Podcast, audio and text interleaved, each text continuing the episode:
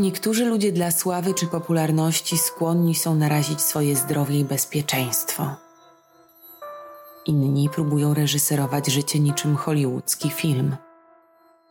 Ale to los pisze najbardziej oryginalne i często niezwykle dramatyczne scenariusze, które wymykają się wszelkim planom, a ich finału przewidzieć nie potrafi nikt. Nazywam się Adriana Gołębiowska, a to kryminalny podcast, artykuł 148.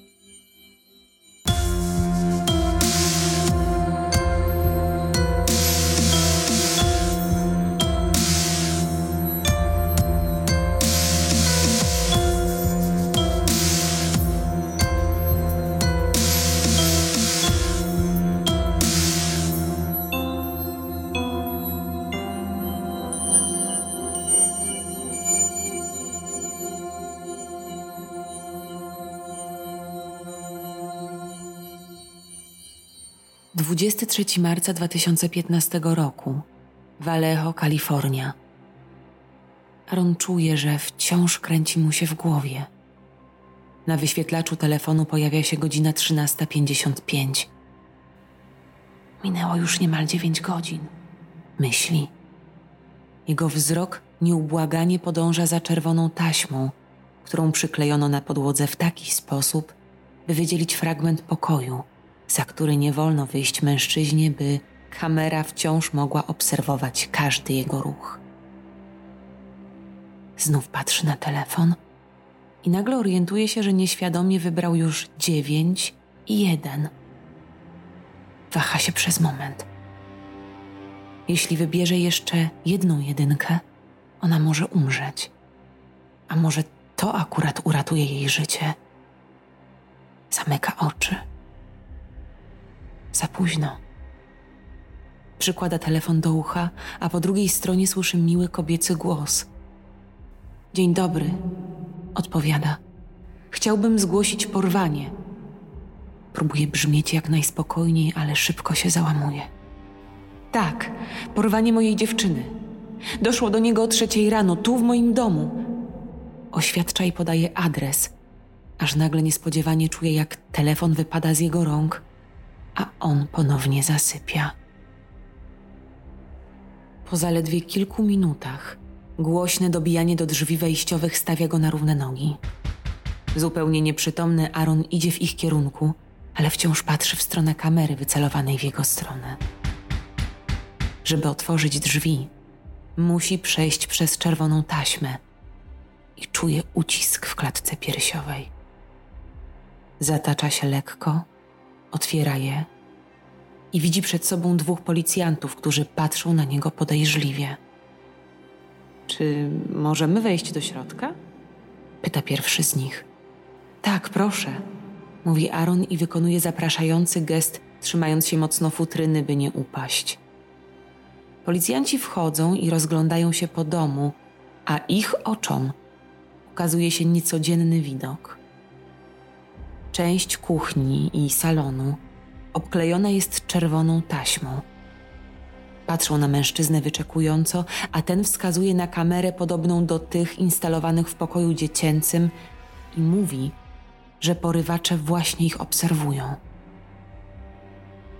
Jeden z funkcjonariuszy podchodzi do kamery i wyłącza jej zasilanie, a drugi, stając naprzeciw Arona i patrząc mu prosto w oczy, Pyta, czy ten nie jest czasem pod wpływem.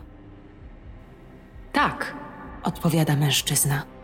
Jestem pod wpływem narkotyków, ponieważ podali mi je porywacze.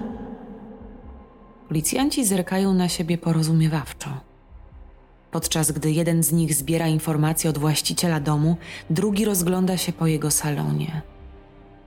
Widzi puste butelki poukładane w kartonie, świeżo odkurzony jasny dywan jakby dopiero co rozpylony odświeżacz powietrza. Czy mogę pójść na górę?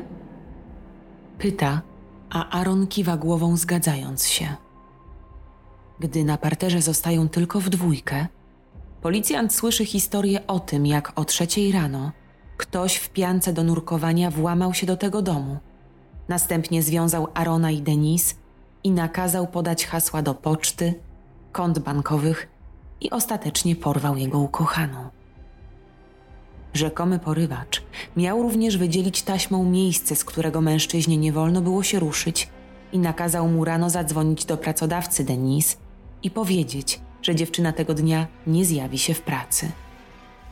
Następnie mężczyzna miał czekać na dalsze instrukcje od porywacza i za żadne skarby nie wychodzić poza wyznaczone miejsce i nie dzwonić po pomoc. Funkcjonariusz przygląda się chwilę roztrzęsionemu Aaronowi i pyta, dlaczego dopiero po dziewięciu godzinach od porwania zadzwonił na policję. Wyraźnie zdenerwowany mężczyzna oświadcza, że wprawdzie obudził się o piątej rano, ale ciągle zasypiał z powodu podanych mu narkotyków, o których przecież już im wspomniał. W tym momencie Aaron przypomina sobie jeszcze, że Denise została porwana przy pomocy jego samochodu. Ale nim policjant zadaje kolejne nurtujące pytanie, słyszy głos swojego partnera, nawołujący go z pierwszego piętra. Przeprasza na moment przesłuchiwanego i idzie tam. W drzwiach sypialni stoi drugi funkcjonariusz i wskazuje krew na prześcieradle. Obaj schodzą na dół i informują Arona, że będą musieli pobrać jego DNA i odciski palców. A w tym celu musi z nimi pojechać na komisariat. Zarówno Denise Haskins, jak i Aaron Quinn byli fizjoterapeutami, którzy poznali się w 2014 roku w Vallejo w Kalifornii podczas odbywania swojej rezydentury w szpitalu. W tym czasie mężczyzna był zaręczony, ale już wtedy miał dużą słabość do nowo poznanej pięknej blondynki. Pod koniec roku Aaron odkrył, że jego ówczesna narzeczona ma romans i postanowił niezwłocznie zakończyć te relacje. I choć szybko zaczął spotykać się z Denise, to dziewczyna wiedziała, że ten wciąż ma złamane serce i nadal kocha swoją byłą narzeczoną. Nie pomagały też docinki ze strony bliskich, którzy nie potrafili ukryć zdziwienia, gdy po raz pierwszy spotkali nową sympatię chłopaka. Denise była niezwykle podobna do byłej narzeczonej Arona, ale ten twierdził, że to czysty przypadek. Czas mijał. Stare rany się zagoiły i wydawało się, że para świetnie się dogaduje. Aż do marca 2015 roku, kiedy to siedem miesięcy po rozstaniu Arona, Denise zaczęła zauważać jego dziwne zachowanie i miała wrażenie, że mężczyzna staje się coraz bardziej wycofany. Postanowiła sprawdzić jego telefon i znalazła w nim wiadomości, które jej chłopak wymieniał ze swoją byłą narzeczoną, a z ich rozmów wynikało, że chcą do siebie wrócić. Mężczyzna wprawdzie przepraszał i tłumaczył Denise, że było to tylko chwilowe załamanie i że tak naprawdę nie chce wrócić do swojej byłej ukochanej, ale 29-latka twierdziła, że on od samego początku ją oszukiwał. Mijały tygodnie, a zrozpaczony Aaron nie miał zamiaru rezygnować z nowej miłości i błagał, by Denise dała mu ostatnią szansę, a ona w końcu zgodziła się na rozmowę. 22 marca 2015 roku przyjechała do domu Arona, przywiozła ze sobą pizzę i kilka piw, bo mieli miło spędzić wieczór i postanowić co dalej. Para do północy rozmawiała, a następnie położyli się spać w sypialni na piętrze, nie mając pojęcia, że ta noc zmieni ich życie na zawsze. Po przewiezieniu na komisariat od Arona natychmiast zostają pobrane odciski palców, a ubrania zarekwirowane. Do trzydziestolatka siedzącego samotnie w pokoju po kilku minutach przychodzi funkcjonariusz, który podaje mu parę spodni i koszulę. Kiedy Aaron ubiera je, widzi w środku metkę z napisem Własność więzienia hrabstwa Solano i czuje, jak robi mu się niedobrze. Zdezorientowanego mężczyznę przeprowadzają do sali przesłuchań, w której tym razem czeka już na niego detektyw Matt Mustard. Rozmowę rozpoczyna od pytania, co się stało tej nocy, a Aaron zaczyna ze szczegółami opowiadać minutę po minucie. Około trzeciej rano obudził się słysząc kroki i głos. Gdy otworzył oczy, zobaczył światła latarki oraz czerwony punkt lasera na ścianach sypialni. A kiedy włamywacz zdał sobie sprawę z tego, że on nie śpi, powiedział, że to jest napad. Mężczyzna, który stał obok łóżka, był ubrany w czarną piankę do nurkowania, zapewne po to, by nie zostawić żadnych śladów. Następnie Aaron opowiada, że strach tak go sparaliżował, że był w stanie tylko biernie przyglądać się temu, co działo się w sypialni. Intrus miał nakazać Denise, aby ta przy pomocy opasek uciskowych związała stopy i ręce Arona, a następnie napastnik miał zmusić ją do pójścia do większego pokoju i do wejścia tam do szafy. Już wtedy miał dziwne wrażenie, że włamywacz znał jego dom, bo skąd by wiedział, które z pomieszczeń jest większe? Detektyw siedzący naprzeciw zeznającego słucha tego wszystkiego w osłupieniu.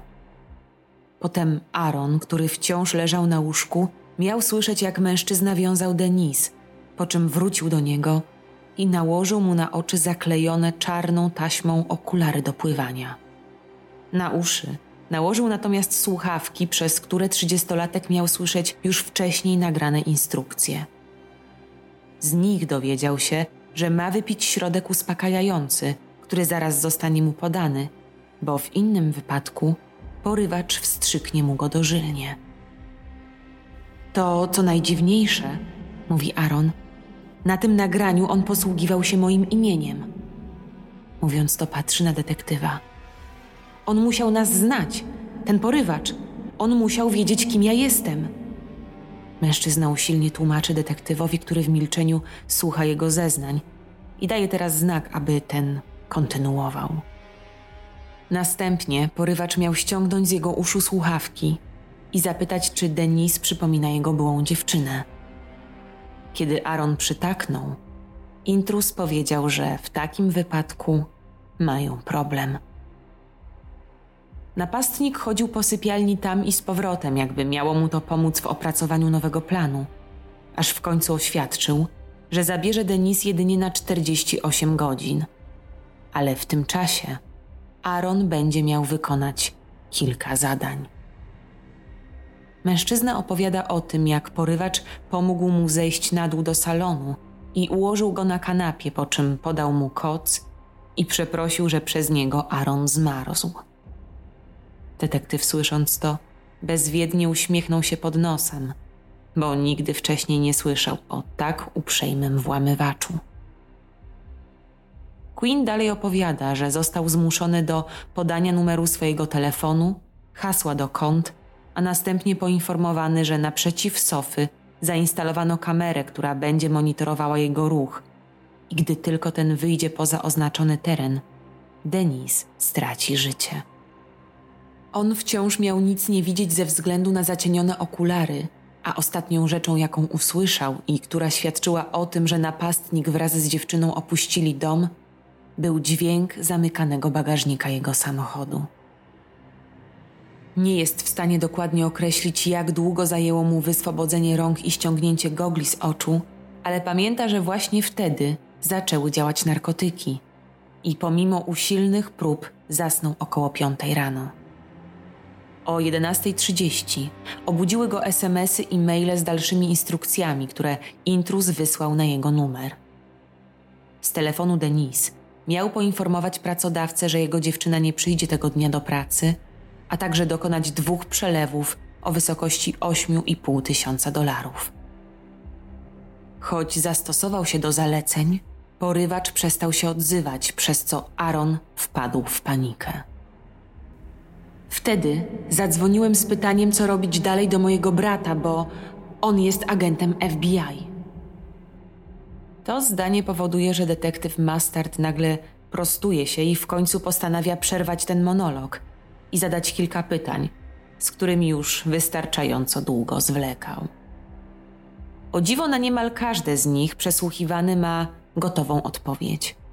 Jak na przykład ta, że porywacz zażądał tak niskiego okupu ze względu na to, że przelewy powyżej 10 tysięcy muszą być wcześniej zgłaszane i potrzeba do nich autoryzacji.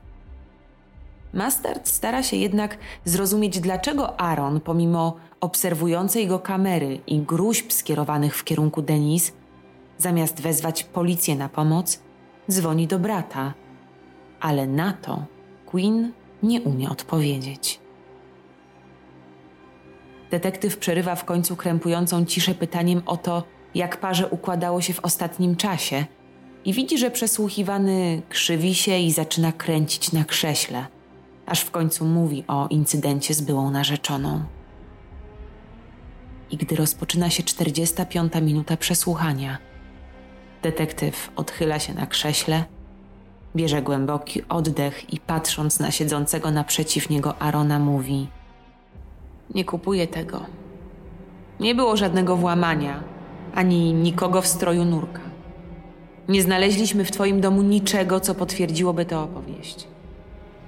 Myślę natomiast, że mogło dojść do jakiegoś wypadku, może nie z Twojej winy, ale czuję, że coś stało się Denis.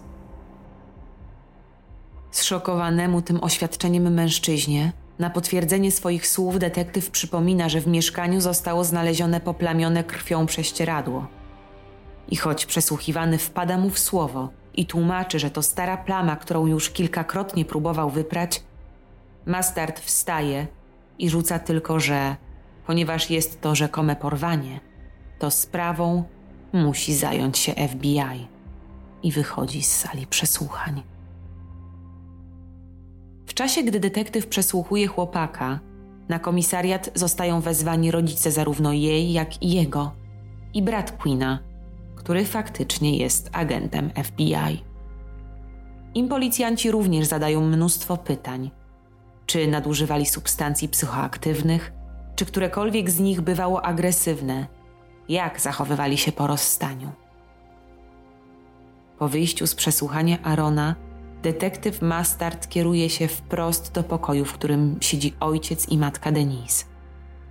Stojąc jeszcze w progu, mówi do nich: Przykro mi, ale obawiam się, że mogło dojść do najgorszego.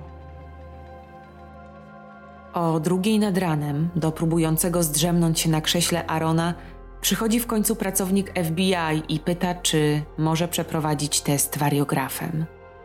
Mężczyzna bez chwili wahania zgadza się, ale po zaledwie kilkunastu minutach otrzymuje wiadomość, że oblał test wykrywaczem kłamstw. Powiedz nam, gdzie ona jest, mówi do niego wyraźnie zdenerwowany agent. Nie wiem, gdzie ona jest, odpowiada przesłuchiwany. Naprawdę nie wiem, co się z nią stało. A jego głos jest na granicy płaczu. Ale funkcjonariusz wciąż naciska, wierząc, że Queen zaraz pęknie, a oni będą mogli pomóc tej biednej dziewczynie. Tak też się dzieje. Aaron pęka i cedzi przez zęby. To koniec. Chcę prawnika. Nie będę z wami dłużej współpracować. Taki obrót spraw szczerze dziwi agenta, ale nie chce dać za wygraną i próbuje inaczej dotrzeć do przesłuchiwanego. Zaraz po tym, gdy on opuszcza salę, wpuszczają tam brata Arona, Itana, w nadziei, że może jemu uda się z brata wyciągnąć jakieś informacje. Na jego widok Aaron zaczyna głośno płakać i wtula się w jego ramiona. Błaga o pomoc i mówi, że wie, że to brzmi jak najbardziej szalona opowieść, ale to wszystko prawda. I ten odciąga brata od siebie i patrząc mu prosto w oczy mówi: Wierzę ci i zaraz cię stąd wyciągnę. Gdy o 6.30 w biurze Dana Russo dzwoni telefon, jeszcze lekko zaspany i dość marudny adwokat niespiesznie podnosi słuchawkę i mało przyjemnym tonem pyta, o co chodzi i czy dzwoniący wie, która jest godzina. Po drugiej stronie słyszy zdenerwowany głos mężczyzny, który przedstawia się jako Ethan Quinn, agent FBI, dzwoniący w sprawie prywatnej, a dokładniej w sprawie brata, który jest przetrzymywany na komisariacie policyjnym i pokrótce opowiada całą historię. Adwokat słucha tego w absolutnej ciszy i skupieniu, po czym odpowiada tylko, że potrzebuje kilku minut, by ubrać garnitur i zaraz spotkają się na miejscu. Dan Russo to typ prawnika, o którym marzą wszyscy, którzy znaleźli się w tarapatach. I ten, którego nie znoszą wszyscy policjanci. Niezwykle kompetentny, twardy, momentami bezczelny, bardzo rzeczowy i znający wszystkie prawnicze sztuczki. Natychmiast wkracza do pokoju przesłuchiwań i po wymianie zaledwie dwóch zdań wychodzi ze swoim klientem z komisariatu, w którym on bez nakazu aresztowania spędził 18 godzin. Mężczyźni w towarzystwie brata Arona jadą do biura prawnika, by tam móc opowiedzieć całą historię od nowa i ze wszystkimi szczegółami. To będzie koszmar. Kwituje to, co właśnie usłyszał Dan Russo, a wyraz jego twarzy zmienia się nagle, gdy kątem oka dostrzega na ekranie telewizora najnowsze wiadomości. Łapie pilota i podchodzi natychmiast, by podgłośnić. Reporterka relacjonuje, że kilkanaście minut wcześniej, a więc około 12.30, do redakcji San Francisco Chronicle porywacz Dennis Haskins przesłał maila, a w nim tak zwany dowód życia. Cała trójka patrzy teraz szeroko otwartymi oczami w ekran, z którego słyszą głos nikogo innego, tylko dziewczyny Arona. Nazywam się Denise Haskins i zostałam porwana. Tak brzmi pierwsze zdanie. By potwierdzić prawdziwość nagrania, mówi o katastrofie lotniczej, do której doszło w Alpach tego poranka, a na koniec prosi o to, by Aaron osobiście skontaktował się z porywaczem za pomocą swojego telefonu. Mężczyznom udaje się tylko wymienić uwagi na temat tego, że głos Denise brzmiał zupełnie normalnie i że z jej tonu trudno wywnioskować, czy cokolwiek jej zagraża. Ale te dywagacje przerywa dźwięk telefonu.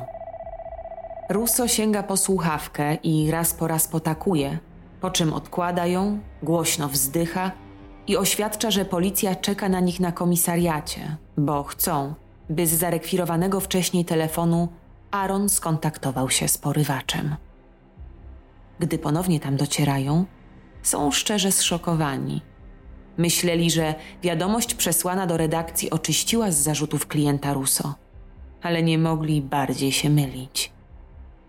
Policjanci byli jeszcze bardziej podejrzliwi, a Mastard nie spuszczał z Arona wzroku, jakby chciał go złapać na gorącym uczynku. Pierwsze, o czym wspomina, to fakt, że dowód życia został wysłany z maila Arona i tłumaczenie o tym, że porywacz ma hasło do poczty Queena, zdaje się w ogóle nie robić na detektywie wrażenia. Do sali w końcu przynoszą telefon i podają go trzydziestolatkowi, ale gdy ten tylko go odblokowuje, prawnik natychmiast wyrywa mu go z ręki i pyta śledczego, dlaczego smartfon ma włączony tryb samolotowy. Nieco zmieszani całą sytuacją policjanci próbują obarczyć winą Queena, ale prawnik nie daje się zwieść. Wściekły, punktuje detektywa, że włączając tryb samolotowy, policja uniemożliwiła namierzenie i kontakt z człowiekiem, który w tym momencie więzi Denise, a przecież jego klient zeznawał, że porozumiewał się z porywaczem właśnie za pomocą tego urządzenia. I kończąc zdanie, Russo wyłącza tryb samolotowy, a telefon zaczyna wydawać z siebie dziesiątki powiadomień, w tym trzy o nieodebranym połączeniu od numeru, z którego wcześniej dzwonił napastnik. Skoro Denise żyje, a nie jak zakładaliście wcześniej, że została zabita przez mojego klienta, to czy w końcu zaczniecie jej szukać? Ale odpowiada mu tylko głucha cisza. Mężczyźni nie wiedzą jeszcze, że nie tylko oni zostali ponownie wezwani na komisariat. Drzwi obok inny policjant przesłuchuje właśnie rodziców porwanej, ludzi, którym zaledwie kilka godzin wcześniej powiedziano, że powinni przygotować się na najgorsze. Jednak okazuje się, że i tym razem policja przygotowała dla nich równie szokujące wiadomości. Bowiem po wysłuchaniu nagrania Denise i przeanalizowaniu informacji dotyczących jej związku z Aaronem, cała ta szalona historia zaczęła układać się dla śledczych w jedną całość. Za porwaniem stał chłopak ich córki, ale nie był on jedyną osobą zaangażowaną w ten spisek. Stała za nim również sama Denise.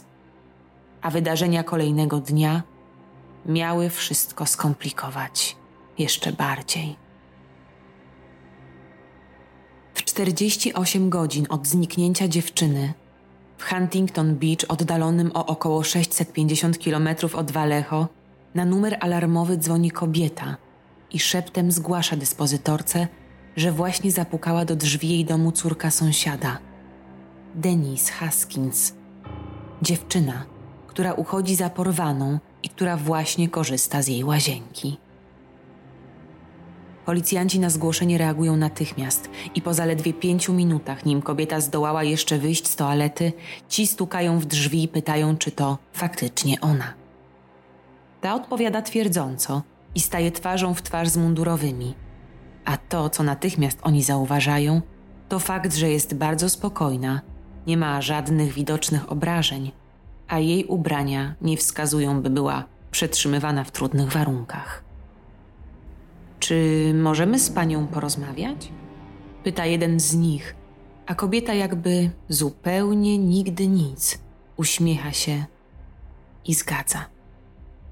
Poproszona przez policjantów opowiada tę samą niewiarygodną historię o porywaczu w ubraniu płetwonurka, o tym, że została wsadzona do bagażnika, a następnie wieziona w nim przez kilka godzin.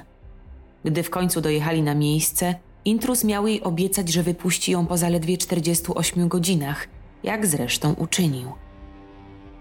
A dlaczego tu?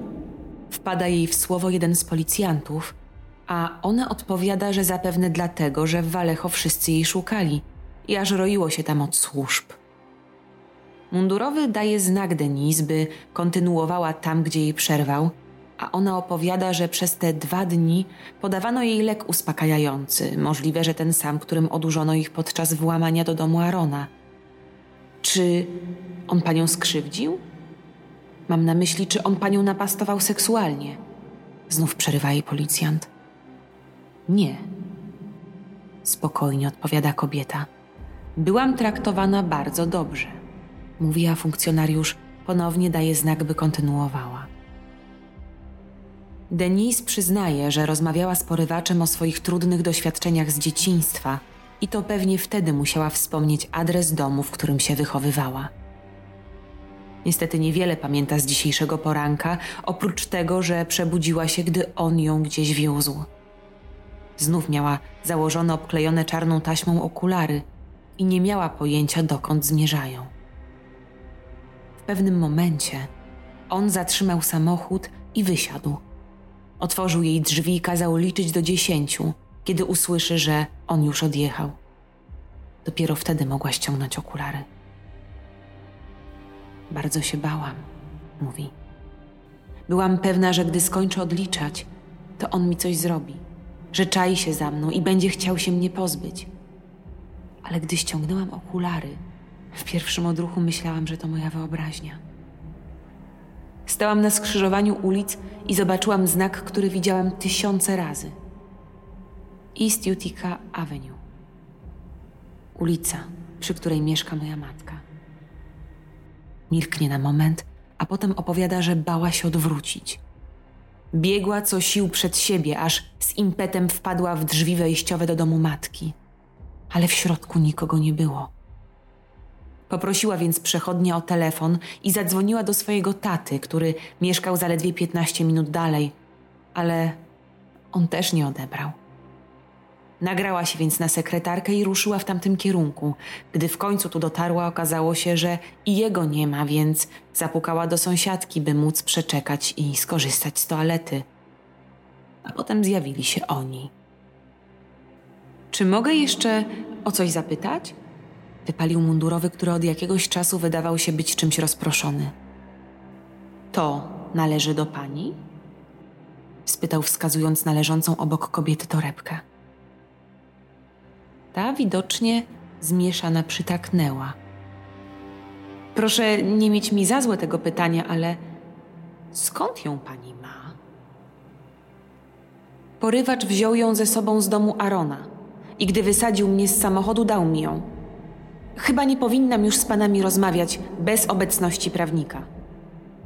Kończy nagle kobieta i dosłownie w tym samym momencie w drzwiach sąsiadki staje młody mężczyzna, którym okazuje się być kuzyn Denise i prawnik w jednej osobie. Kiedy tylko ojciec porwanej wysłuchał nagranej wiadomości, zadzwonił po niego, ponieważ ten był najbliżej. I gdy w końcu do niej dotarł, wziął w ramiona kuzynkę i uspokajał ją, że teraz wszystko już będzie dobrze. Jednak nie mógł się mylić bardziej. Gdy Denise wraz z kuzynem wychodzą z domu sąsiadki, na zewnątrz czeka już kilku reporterów, którzy na żywo transmitują wydarzenia z Huntington Beach. W tym samym czasie porucznik Kenny Park z Departamentu w Vallejo wydaje dziennikarzom oświadczenie.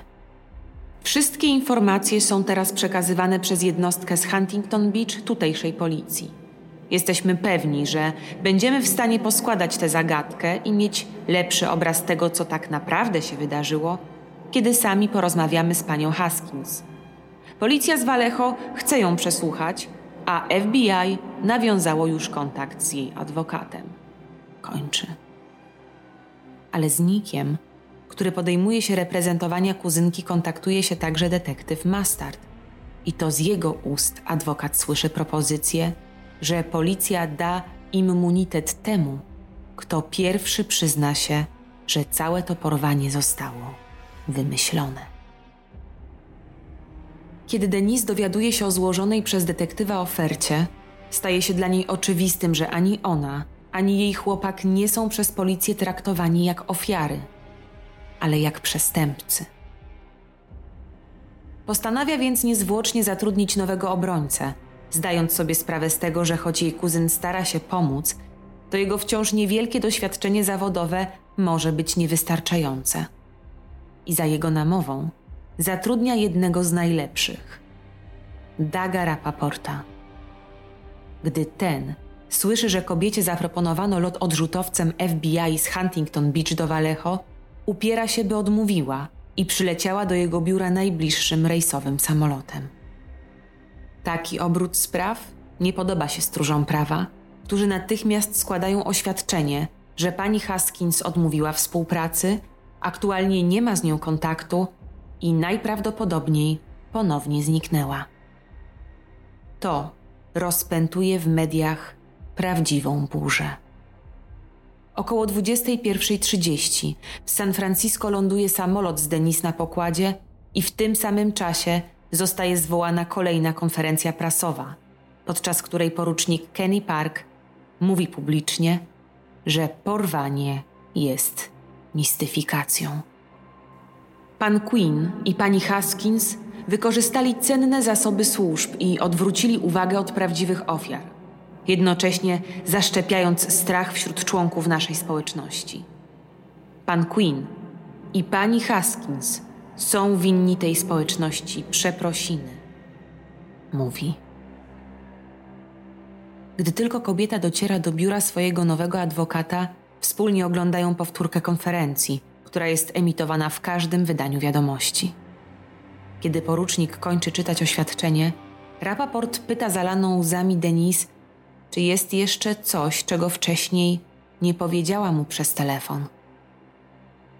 Ona powoli podnosi zapłakane oczy i odpowiada, że są dwie rzeczy, o których wcześniej nie wspomniała, oraz jedna, w której skłamała policji i obawia się, że może to za chwilę wypłynąć.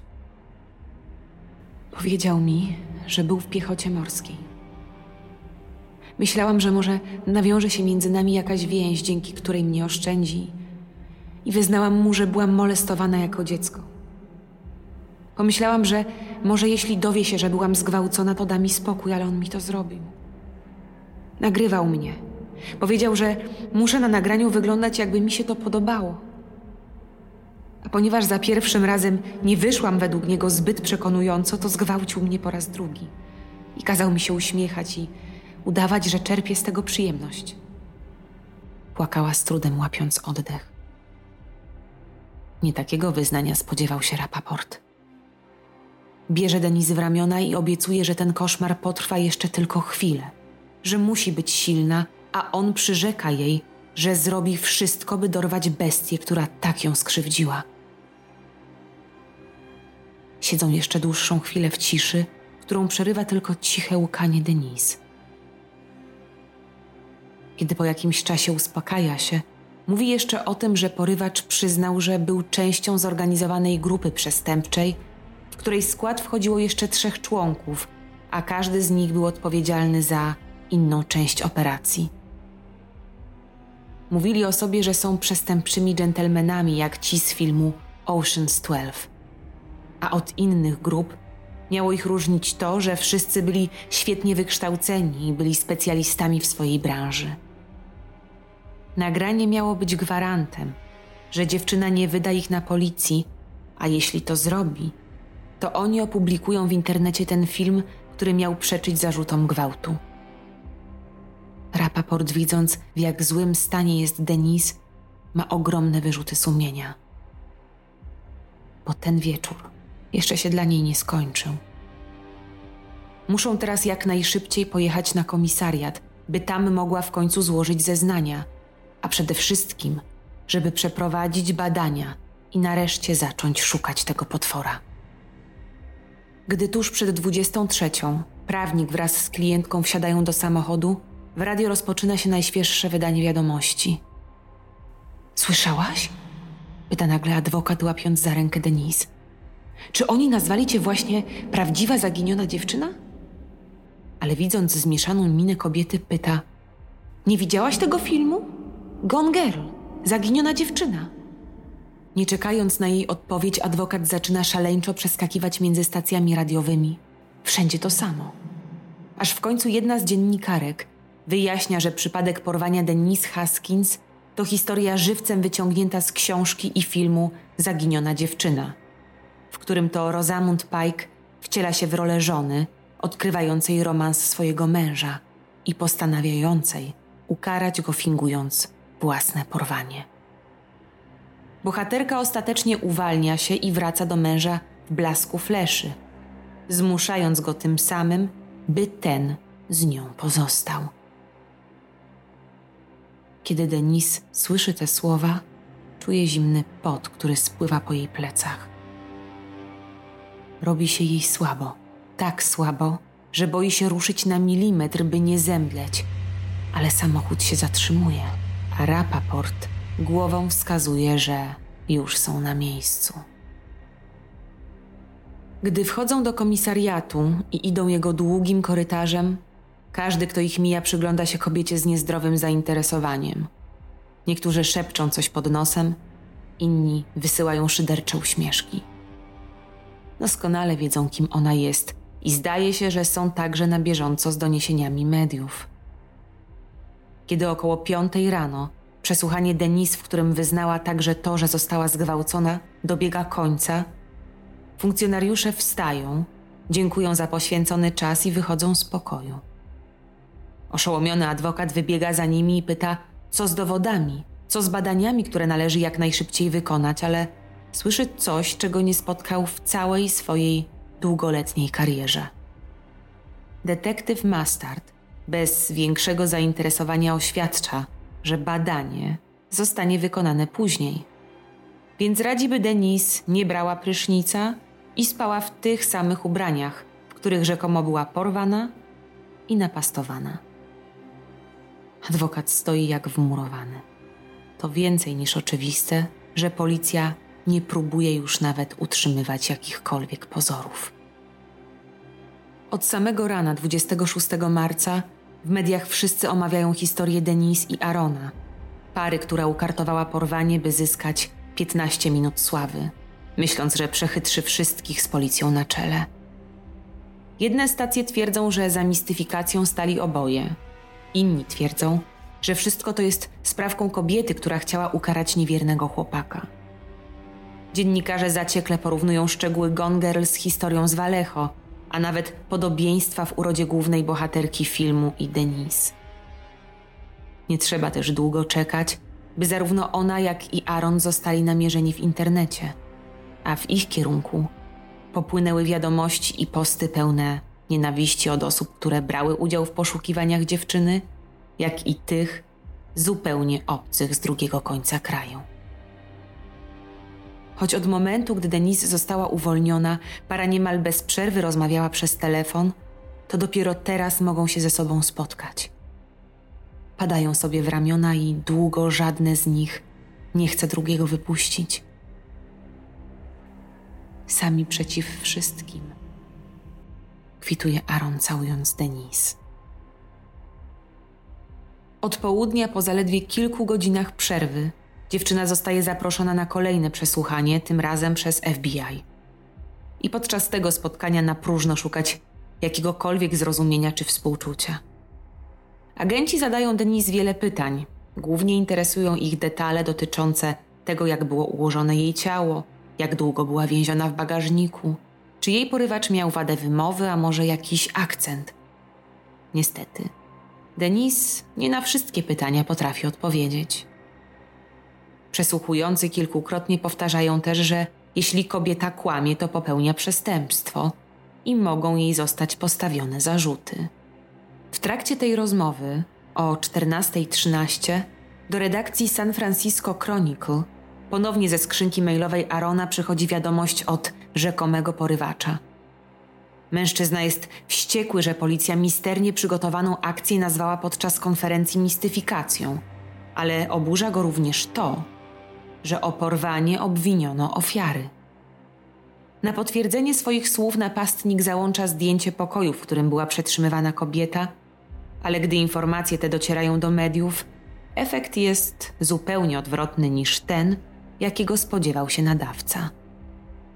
Dziennikarze twierdzą, że za mailem stoją Aaron i Denise, którzy próbują wszystkiego, by oddalić od siebie podejrzenia, po tym jak policja przejrzała ich plany.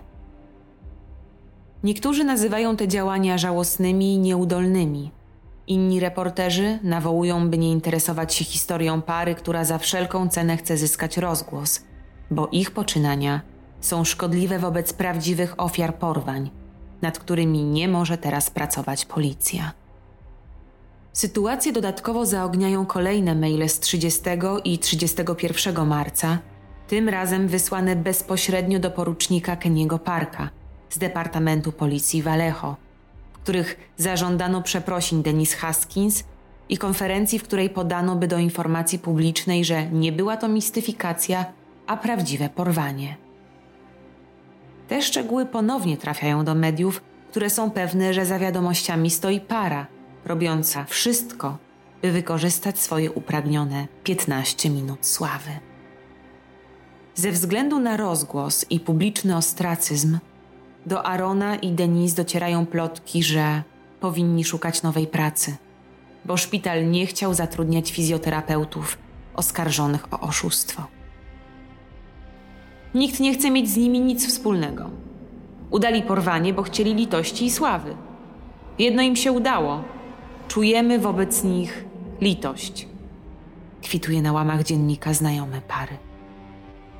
Kolejne tygodnie oboje spędzają wraz ze swoimi adwokatami, zbierając materiały i dowody i powoli przygotowując się na to, co ich zdaniem jest nieuniknione na oskarżenie, które przeciwko nim wysunie policja. 5 czerwca 2015 roku o 3.34 nad ranem w Dublinie, niewielkim miasteczku w Kalifornii oddalonym o godzinę od Vallejo, na telefon alarmowy dzwoni roztrzęsiona kobieta i szepcze, że właśnie przed momentem ktoś napadł na nią i na jej męża w ich własnym domu. Małżeństwo zostało wybudzone ze snu, a gdy napastnik próbował związać kobietę, jej mąż przeskoczył przez łóżko i zaatakował intruza, a jej kazał schować się do łazienki i zadzwonić po pomoc. Kobieta drżącym głosem relacjonuje, że słyszy za drzwiami toczącą się walkę między jej mężem a napastnikiem, a po chwili dyspozytor osobiście słyszy krzyk jednego z nich. Pod podany adres natychmiast zostaje wysłana policja, która w środku znajduje przerażoną kobietę i jej męża ze sporą raną głowy, któremu pomimo otrzymanych obrażeń udało się przegonić włamywacza. Ale funkcjonariusze na podłodze zauważają coś jeszcze. Telefon komórkowy zgubiony przez napastnika.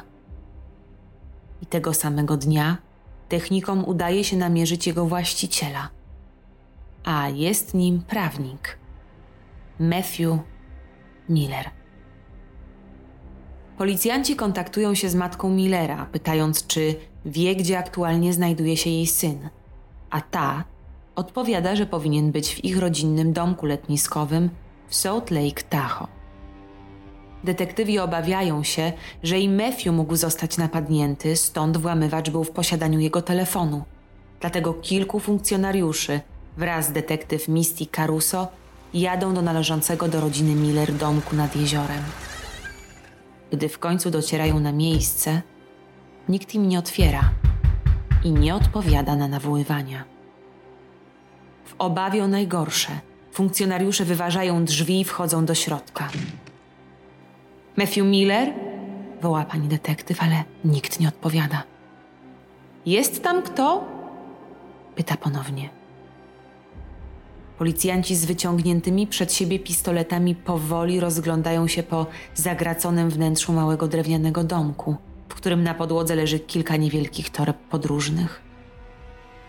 Misty powoli nachyla się nad jedną z nich i delikatnie zagląda do środka. Widzi latarkę, paralizator i gogle narciarskie obklejone czarną taśmą. Nagle z jednego pokoju wychodzi mężczyzna z podniesionymi rękami nad głową, przedstawia się jako Matthew Miller i prosi, by nie robić mu krzywdy. Powoli podchodzi do niego dwóch mundurowych, a detektyw wyciąga z torby gogle i pyta stojącego przed nią mężczyznę, czy są jego własnością. A ten tylko nerwowo przytakuje.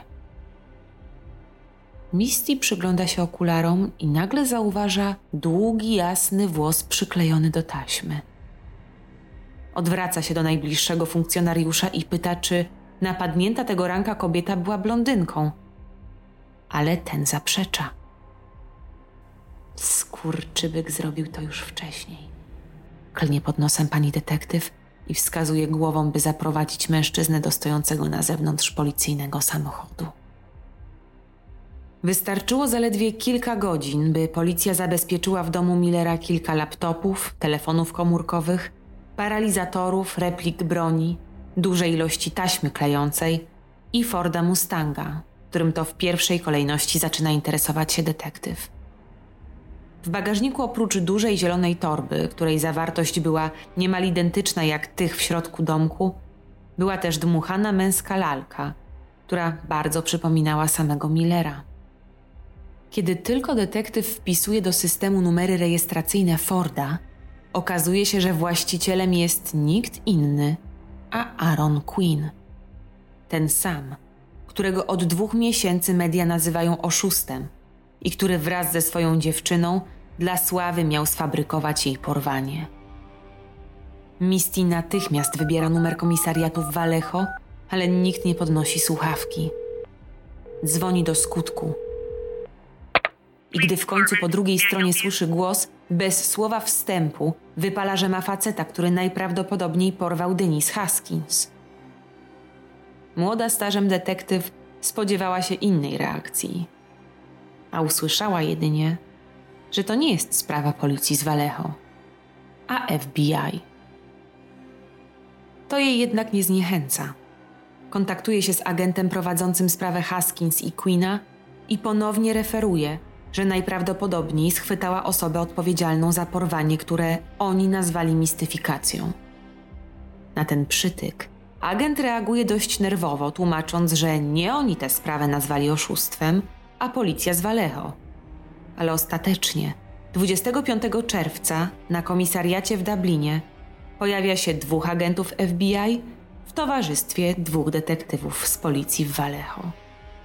Kiedy Misty Caruso pokazuje zdjęcia dowodów, które udało jej się zgromadzić w domku nad jeziorem Tahoe, ci są widocznie zszokowani. I nagle do wszystkich dociera, że para od samego początku mówiła prawdę. Matthew Miller przez pięć lat służył w piechocie morskiej, ale nie planował kariery wojskowej. Twierdził, że w 2008 roku zdiagnozowano u niego chorobę afektywną dwubiegunową, ale bez problemu skończył studia z prawa imigracyjnego na Harvardzie, a potem ożenił się. Był niezwykle przystojnym, młodym i świetnie rokującym prawnikiem, dlatego wszystkimi wstrząsnęła informacja, gdy w 2015 roku został pozbawiony prawa do wykonywania zawodu przez stanową kalifornijską izbę adwokacką za niezwrócenie klientowi 1200 dolarów. Wtedy też żona zażądała separacji, a jego świat legł w gruzach. Jego nazwisko w policyjnej bazie pojawiło się dwukrotnie jako osoba, którą interesowano się w 2009 roku, gdy w Palo Alto i Mountain View doszło do włamania. Nigdy jednak nie był w kręgu podejrzanych. Tym, co rozwiało jakiekolwiek wątpliwości dotyczące jego udziału w porwaniu Denise Haskins, były ekspertyzy, które potwierdziły, że jednym z laptopów znalezionych w domu Millera był ten należący do Arona Queena, ale najważniejszym dowodem był GPS znajdujący się w Fordzie Mustangu.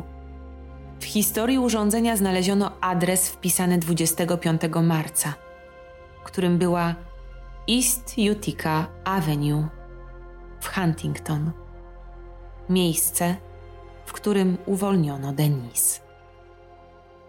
Gdy tylko te rewelacje przedostają się do mediów, historia porwania ponownie wałkowana jest w wydaniach informacyjnych od rana do nocy i gości na pierwszych stronach gazet w całym kraju. Dziennikarze punktują teraz fatalną pracę policji i wytykają jej niekompetencje – jakby zapomnieli, że to właśnie oni jako pierwsi porównywali tę sprawę do scenariusza filmowego. Denise i Aaron w końcu mają poczucie, że sprawiedliwości stanie się zadość. Postanawiają razem ze swoimi prawnikami zwołać swoją konferencję prasową i w końcu, po raz pierwszy od kilku tygodni, pojawić się publicznie. Dzień dobry wszystkim. Dziś jest wspaniały dzień. Tak rozpoczyna konferencję 13 lipca stojący tuż przed mikrofonem Doug Rappaport, a następnie oddaje głos Danowi Russo. Ale to bohaterowie drugiego planu przyciągają wzrok wszystkich. Denis i Aaron trzymają się kurczowo za ręce i patrzą wprost na każdego reportera, jakby próbowali wyzwać ich na pojedynek. Wielu z dziennikarzy, którzy od tygodni oczerniali parę, nazywając ich manipulatorami i kłamcami, nie mogło sobie odmówić uczestniczenia w tym medialnym show. Jednak w tym momencie nie są w stanie tego unieść i odwracają wzrok. Domagamy się publicznych przeprosin od policji w Vallejo, kontynuuje swoją wypowiedź Russo, a następnie jeden za drugim Adwokaci obnażają krzywdy, jakie ponieśli ich klienci i to, że ofiary, które od samego początku współpracowały z policją, zostały potraktowane jak przestępcy, a funkcjonariusze nawet nie podjęli próby schwytania prawdziwego zbrodniarza. I choć Matthew Miller bardzo szybko zostaje postawiony w stan oskarżenia w sądzie federalnym, to Denise i Aaron uważają, że sprawa nie jest do końca rozstrzygnięta. Oboje są pewni, że w noc napadu z Matthew był ktoś jeszcze. Od samego początku wydawało im się, że gdy napastnik przenosił ich z miejsca na miejsce, to ktoś inny przeszukiwał szafki w sypialni. Denise jest też pewna, że kiedy Miller ubierał jej obklejone taśmą okulary i kazał patrzeć w podłogę, to ona widziała tam dwie pary butów. I chociaż w mailu Miller pisał, że jest częścią zorganizowanej grupy, to podczas składania zeznań upiera się, że od samego początku działał sam. Nie ustosunkowuje się również do pytań dotyczących byłej narzeczonej Arona, po którą to rzekomo włamał się do domu 23 marca i ostatecznie zostaje oskarżony o porwanie Denise Haskins w celu okupu. To, o co nie został oskarżony, to napaść seksualna, rabunek i włamanie do domu Arona, mówi Rapaport. Powodem jest to, że nie było jurysdykcji w sądzie federalnym dla tych przestępstw. Departament Policji Vallejo nigdy publicznie nie przeprosił za nazwanie porwania mistyfikacją. Zamiast tego, ówczesny szef policji pisze prywatny list z przeprosinami, w którym przyznaje, że teraz jest jasne, że to, co się stało, nie było mistyfikacją ani zaaranżowanym wydarzeniem i że wnioski Departamentu Policji były błędne. W liście pisze także, że komentarze porucznika Keniego Parka były niepotrzebne, ostre i obraźliwe. I obiecuje, że Departament publicznie przeprosi, gdy Miller zostanie skazany. I choć mogłoby się wydawać, że policja w Vallejo poczuwa się do winy, to jeszcze w tym samym roku detektyw Matt Mustard otrzymuje Nagrodę Policjanta roku 2015. 29 września 2016 roku Matthew Miller przyznaje się do jednego porwania, w zamian za co prokurator domaga się 40 lat pozbawienia wolności, co ostatecznie zostaje zasądzone. W tym samym roku Aaron Quinn i Denise Haskins składają pozew cywilny przeciwko miastu i jego wydziałowi policji, a także określonym zaangażowanym w dochodzenie funkcjonariuszom, zarzucając szereg roszczeń, w tym zniesławienie. Ostatecznie sprawa zostaje rozstrzygnięta poza sądem i strony podpisują ugodę na 2,5 miliona dolarów. Denise i Aaron napisali książkę pod tytułem Ofiara F od ofiar przestępstw przez podejrzanych do ocalałych. Opisują w niej wszystkie szczegóły tych strasznych 48 godzin oraz kolejnych tygodni, gdy z ofiar publicznie stali się przestępcami, aż po proces, jaki musieli przejść, by znów być szczęśliwymi. Książka szybko staje się międzynarodowym bestsellerem, a w 2018 roku para bierze ślub, którego udziela im adwokat Doug Rapaport. Wśród gości obecny jest również Dan Russo i detektyw Misty Caruso, dzięki której połączono Millera z porwaniem Denise, a dokładnie w piątą rocznicę wypuszczenia kobiety przez porywacza na świat przychodzi ich córeczka Olivia. Małżeństwo nierzadko wraca do marca 2015 roku, twierdząc, że gdyby Matthew nie zgubił swojego telefonu w domu w Dublinie, możliwe, że do dnia dzisiejszego ich sprawa nie zostałaby rozwiązana, a Denise nadal byłaby prawdziwą filmową zaginioną dziewczyną. Co zaskakujące, dla wielu wciąż nią jest. Bo pomimo zamknięcia sprawy, Denis wciąż dostaje listy od ludzi, którzy uważają, że to ona stoi za całym porwaniem, a Matthew był tylko pionkiem. Kontrowersje wokół tej sprawy nie dotyczą tylko długiej listy zaniedbań policji, ale także niewymiernie wysokiego wyroku 40 lat dla oskarżonego i niebagatelnego odszkodowania dla ofiar. I choć nie można umniejszać tragedii, której para doświadczyła w dniu porwania, czy przez następne dwa miesiące, to gdy kwota 2,5 miliona wypłynęła na światło dzienne, para ponownie znalazła się w świetle reflektorów. I choć początkowa ostrożność funkcjonariuszy przybyłych na niecodzienne miejsce zdarzenia mogła być zrozumiała, to na niekompetencje i opieszałość kolejnych niestety nie ma już wytłumaczenia. Bo jakże ironicznym jest fakt, że starając się nie dać 15 minut sławy parze potencjalnych oszustów, uczynili oni z tego porwania jedną z najbardziej medialnych spraw ostatnich lat. Koniecznie daj znać, co sądzisz o tej sprawie. Pozostaw po sobie jakiś ślad. Polub, skomentuj, zasubskrybuj. Do usłyszenia już wkrótce.